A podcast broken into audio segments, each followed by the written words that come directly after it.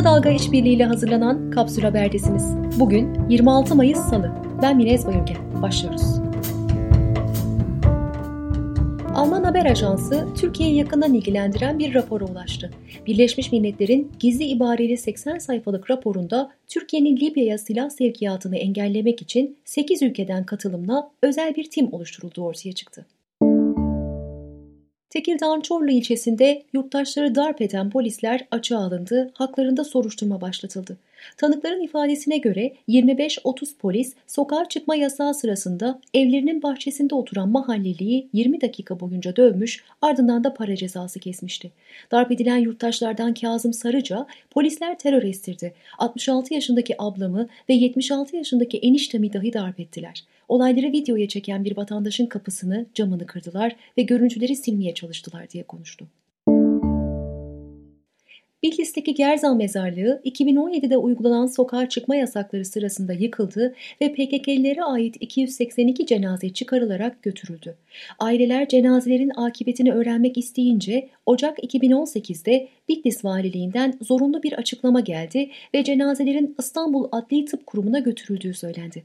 Aradan iki buçuk yıl geçmesine rağmen cenazelerin çoğu ailelere teslim edilmedi. Yalnızca 21 cenazenin kimlik tespitinin yapıldığı ve ailelere verildiği anlaşıldı.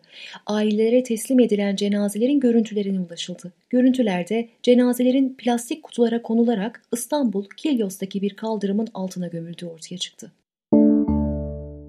Covid-19 salgını nedeniyle ara verilen yüksek hızlı tren seferleri 28 Mayıs'ta yeniden başlıyor. Ankara-İstanbul, Ankara-Eskişehir, Ankara-Konya, Konya-İstanbul hatlarında günde toplam 16 sefer yapılacak. HES kodu alamayan kişilere ise bilet satışı yapılmayacak.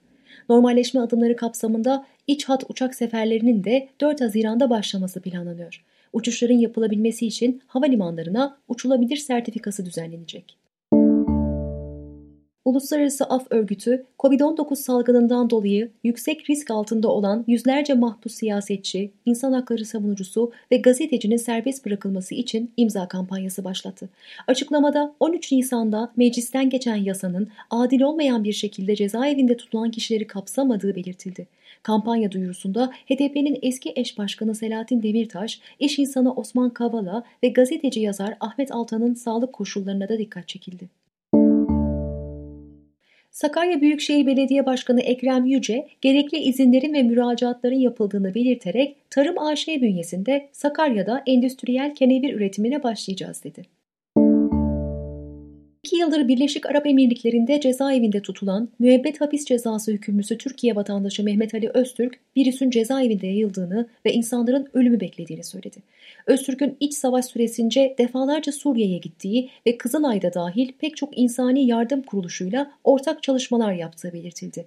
İki yıl önce ticari vize alarak iş için Birleşik Arap Emirlikleri'ne giden Öztürk, terör örgütü propagandası yapmak ve terör örgütüne finansman desteği sağlamak suçlamalarıyla müebbet hapis cezasına çarptırılmıştı.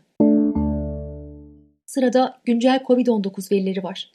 Bugünkü yeni vaka sayısı 987 ile toplam vaka sayısı 157.814 oldu.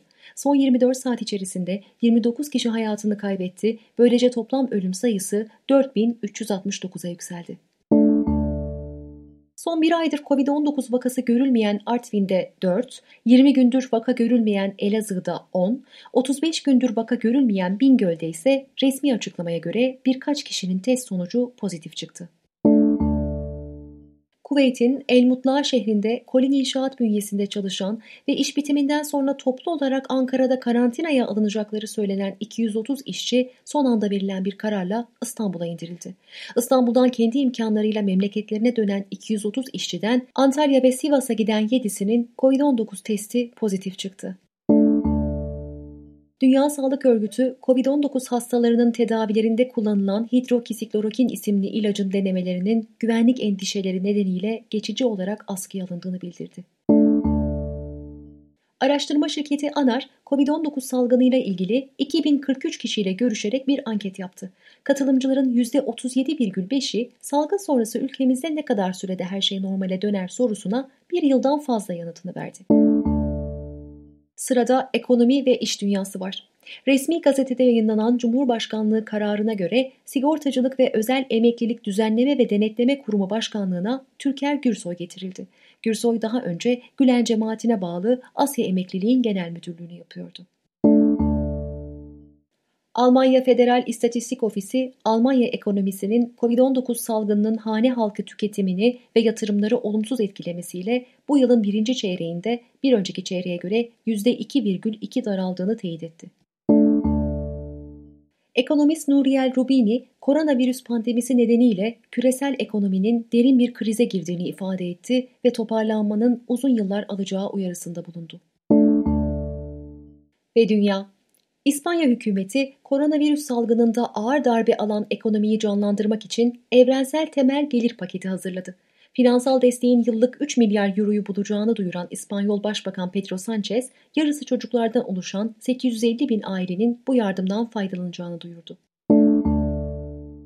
İtalyan hükümeti COVID-19 salgınında ikinci dalga yaşanmaması için sosyal mesafe kurallarına uyulmasını sağlamaya yönelik 60 bin sivil yardımcı görevlendirecek. Gönüllü ekip cadde, meydan ve plajlarda görev alacak. Fransa'nın kuzeydoğusundaki Tilo ile Marchien'in belediye başkanlığı seçiminde 55 yaşındaki Marie Cao ülkenin ilk trans belediye başkanı oldu. Cao kampanyasının merkezine ekolojik çalışmaları ve yerel ekonomiyi koymuştu. Sırada ekoloji haberleri var.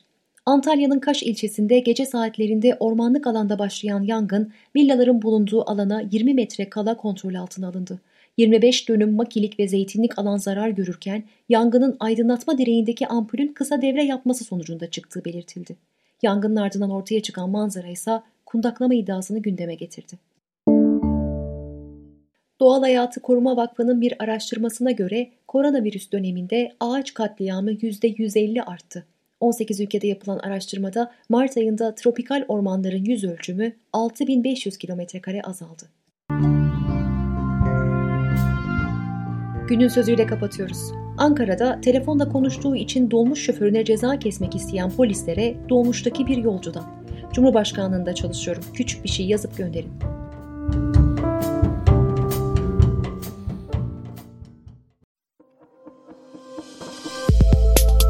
Bizi Kısa Dalga Net ve podcast platformlarından dinleyebilirsiniz.